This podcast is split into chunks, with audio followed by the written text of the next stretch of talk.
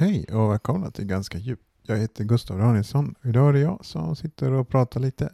Jag har precis läst ut en bok som heter uh, Born A Comics Life Born Standing Up med Steve Martin.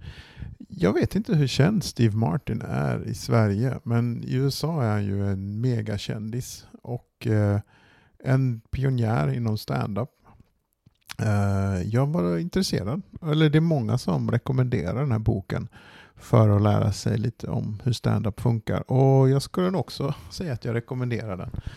Steve Martin, han började som, vad ska jag säga, han började egentligen som magiker. Eller, han har ett väldigt intressant liv. Det, jag rekommenderar verkligen boken. Jag ska, tänkte bara liksom sammanfatta min, min eh, upplevelse med boken. Han började, växte upp i Los Angeles och han började sommarjobba på Disneyland precis när det öppnade. Början på 60 eller mitt, början och mitten på 60-talet. Uh, eh, alltså, jag, jag blir så lite avundsjuk på honom på något sätt. Att, det, att man kan liksom födas i en så perfekt tid och på en så perfekt plats. Liksom, där allting är bara liksom, ja, det är krattat på något sätt. Men på andra sidan så är det liksom, på ett sätt är det krattat och på andra sätt är det liksom, finns ingenting som man kan göra liksom vad man vill av allting och utvecklas på något sätt. Men eh, det är väldigt intressant. Han skriver liksom hur komedi fungerade på 60 och 70-talet. Och han fick liksom en stor grej i USA på den här på 60, 70, 80-talet var Johnny Carson show det är som Tonight Show, kanske folk har hört talas om med Jay Leno och David Letterman. Men många komiker säger att på den tiden om man var med på Johnny Carsons show och hade ett bra uppträdande så liksom blev man typ miljonär direkt och man fick liksom göra hur mycket tv som helst. Och, eh, men Steve Martin var med kanske tio gånger innan han blev liksom populär och känd. Och han var ju, alla de här, eller många av de här uppträdanden finns på Youtube. Och vad som är intressant med Steve Martin är att han liksom, och det skriver han om i boken också, att han liksom följer inte eh, komiska, vad säger man, komiska regler. Och det tycker jag är väldigt intressant, att han liksom på något sätt utmanar sig själv hela tiden, att inte försöka ha en setup, en punchline, utan liksom göra rolighet av rolighet på något sätt. Och på det sättet tror jag han också har inspirerat många svenska humorgrupper eh, som typ Varan-TV, kanske Galenskaparna, vad så många svenska komiker kallar crazy humor. Eh, I USA kallar man det för madcap tror jag. När liksom det är helt galet på något sätt. Nackdelen med den sortens humor verkar vara att den inte åldras särskilt väl. Det, när man tittar på gamla klipp så är det liksom att det här känns väldigt, att, att det skulle vara så wild and crazy. Och han, liksom, han, han är nästan, vad säger man, uh, upphovsmakaren av något som heter The Wild and Crazy Guy. Att, och ja, det, det, känns väldigt förlegat nu när man tittar på det i dagens ögon. Men på 60-70-talet så var det ingen som var wild and crazy guy. Så han var liksom en pionjär inom det. Och någon, en annan grej han skrev i boken här.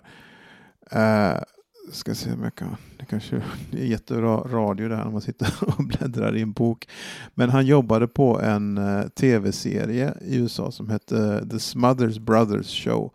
Som var en väldigt politisk, eller den var inte politisk, men de liksom pratade om allting på något sätt i den showen. Ja, nu hittar jag inte sidan här, men vad han pratade om i alla fall var att eh, när han var sån comedy writer, alltså manusförfattare på den här komeditimmen så att säga. Och han var liksom rädd att hur, när någon gång kommer ju allt roligt vara slut liksom. Vi kommer ju ha skrivit om allting.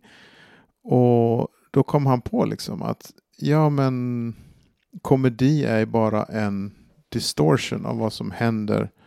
Se om jag hittar det här. Ja, här hittar jag det. Comedy. Jag ska skriva läsa hela. I had a short lived but troublesome worry. What if writing comedy was a dead end because one day everything would have been done and we writers would just run out of stuff? I assuaged, ja, oh, assuaged, vilket ord. I assuaged myself with my own homegrown hom homily. Homily, ja, det är svåra ord.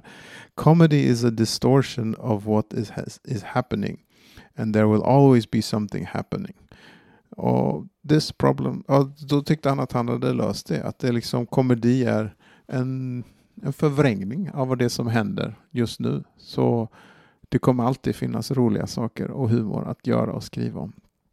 Uh, med det sagt, jag, var in, jag är liksom ingen sån superfan av Steve Martin, men det är liksom boken var väldigt bra och jag ska nog kolla igenom lite gamla grejer med honom.